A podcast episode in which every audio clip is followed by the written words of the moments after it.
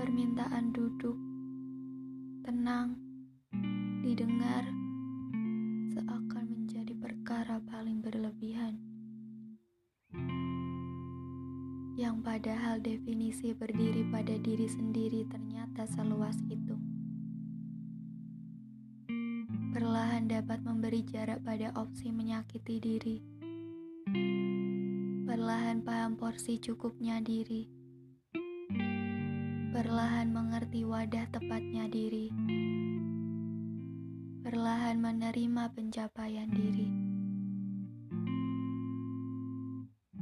Kalau diambil hari ini, kalau kehilangan kali ini, besok bisa belajar menempatkan besok akan paham mengembalikan. Pelan-pelan ya, gak semua harus bisa. gak semua harus hari ini.